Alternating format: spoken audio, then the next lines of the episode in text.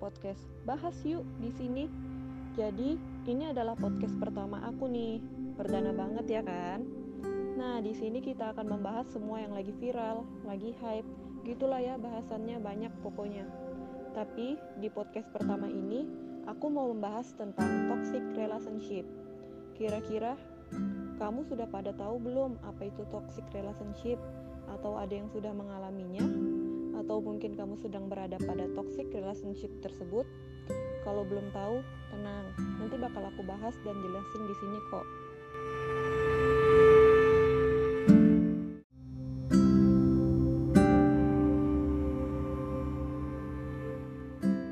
Kata orang nih, tak kenal maka tak sayang. Jadi sebelumnya aku mau perkenalkan diri dulu nih guys, biar nanti mungkin kalian bisa sayang nih sama aku. Namaku Risma Nur Hidayah, tapi sering dipanggil Nema. Jangan tanya kenapa, kok beda sama nama aslinya? Aku juga nggak tahu kenapa bisa guys. Um, apalagi ya? Oh mungkin hobi. Hobi aku sih random aja tuh sesuai mood. Kadang membaca, kadang juga baringan sambil scroll TikTok. Tapi paling sering sih ngerjain tugas. Sebenarnya ini bukan hobi sih, cuman ya suatu kewajiban aja gitu.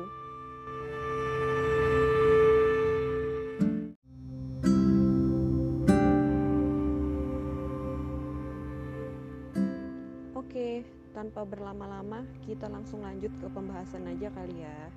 Jadi, yang belum tahu nih apa itu toxic relationship, jadi toxic relationship sendiri adalah hubungan yang membuat salah satu atau kedua belah pihak merasa tidak didukung, direndahkan, bahkan diserang. Hubungan ini tidak hanya terjadi pada pasangan kekasih, tetapi juga terjadi di lingkungan pertemanan nih, di lingkungan kerja, bahkan lingkungan keluarga. Nah, jadi toxic relationship ini membuat para korbannya sering merasa tertekan hingga menyebabkan psikis korban terganggu.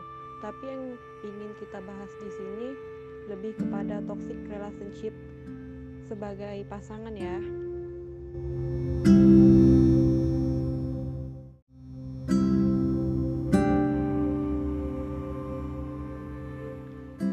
Ya, jadi ada pun ciri-ciri atau tanda kamu sedang terjebak dalam toxic relationship. Jadi yang pertama itu kamu merasa nggak lagi berharga. Ini bisa terjadi karena sikap buruk pasangan kamu, entah itu merendahkan, kasar, dan perlakuan buruk lainnya yang membuat kamu merasa tidak berharga lagi. Yang kedua, kamu tidak pernah bisa berkomunikasi dengan baik. Hal ini karena tidak adanya kesempatan kamu berbicara pada saat terjadinya konflik dengan pasangan kamu. Jadi, kalaupun kamu berbicara nih, kamu akan disalahkan dengan dia. Mungkin akan dimaki. Yang ketiga, kamu dikekang. Ini menyebabkan kamu kehilangan temanmu satu persatu dan kamu tidak bisa melakukan hal yang ingin kamu lakukan. Yang keempat, apa pun yang kamu lakukan akan selalu dicurigai dengan pasanganmu. Jadi, hal ini menyebabkan gerakmu sangat terbatas. Dan yang terakhir nih, kamu selalu dikendalikan dengan pasanganmu. Jadi, apa pun yang akan kamu lakukan, mungkin kamu harus melalui persetujuannya dia.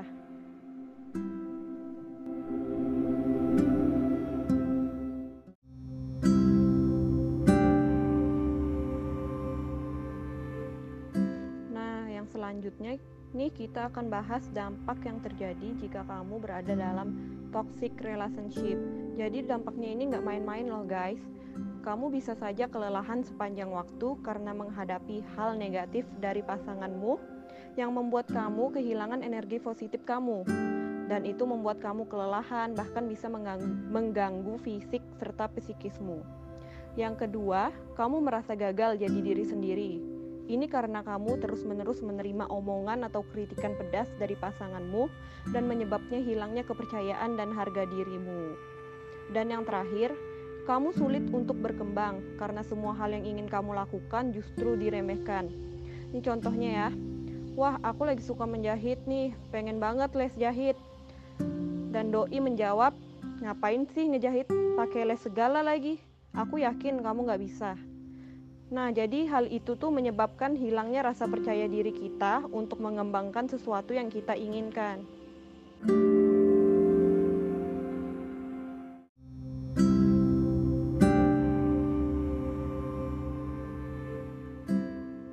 tenang aja nih guys, kita bisa kok menghindari toxic relationship tersebut dengan cara-cara sebagai berikut. Pertama, mengetahui keinginan diri sendiri dalam sebuah hubungan. Jadi sebelum kita memulai hubungan dan memilih pasangan, kita diharapkan sudah bisa mengenali diri kita sendiri. Yang kedua, mungkin kamu bisa mencari pasangan dengan tujuan yang sama, karena hal ini bisa menyebabkan kamu menjadi lebih tenang dan menemukan koneksi serta membuat uh, hubunganmu itu lebih mengasihkan. Dan yang ketiga, menetapkan batasan. Jadi, saat memutuskan untuk menjalin hubungan, sebaiknya kamu menentukan batasan-batasan dengan calon pasanganmu yang menyebabkan meningkatnya rasa percaya dirimu nih. Dan yang terakhir, ini yang paling penting adalah prioritaskan keamanan dan dirimu di atas segala-galanya.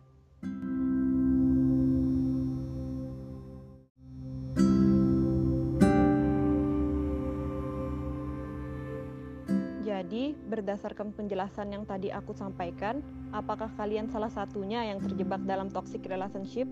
Jika iya, mungkin kalian bisa mencoba tips dari aku nih, yaitu jika kamu ingin tetap melanjutkan hubunganmu, kamu bisa menjalin komunikasi yang lebih sehat dan tegas dengan pasanganmu. Atau jika kamu tidak tahan lagi, nggak ada salahnya kok. Bahkan lebih baik jika kamu ingin keluar dari hubungan tersebut. Ya, walaupun sering kali terjebak dalam toxic relationship, tapi kamu jangan pernah menyerah dan putus asa ya. Mungkin bisa lebih hati-hati ke depannya nih buat memilih calon pasangan. Dan jika kamu sudah lepas dari hubungan toxic relationship, ini yang akan kamu dapatkan. Pertama, kamu akan lebih peka terhadap sinyal-sinyal buruk dari calon pasanganmu nantinya.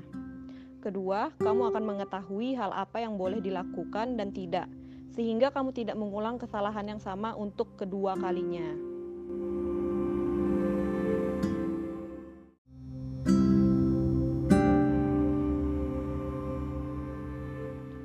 Ya, mungkin cukup sampai di sini aja ya guys pembahasan kita mengenai toxic relationship ini. Terima kasih sudah mendengarkan sampai habis podcastku ini. Oh ya, mungkin kalian yang ingin diskusi atau curhat dengan aku nih mengenai toxic relationship atau apa pun, bisa banget nih melalui Instagram aku at Risma NRH DYH. DM ku akan sangat terbuka buat kalian semua. Semoga kalian selalu sehat dan dijauhkan dari toxic relationship ya. Sampai ketemu lagi ya di podcast Bahas Yuk selanjutnya. Bye bye.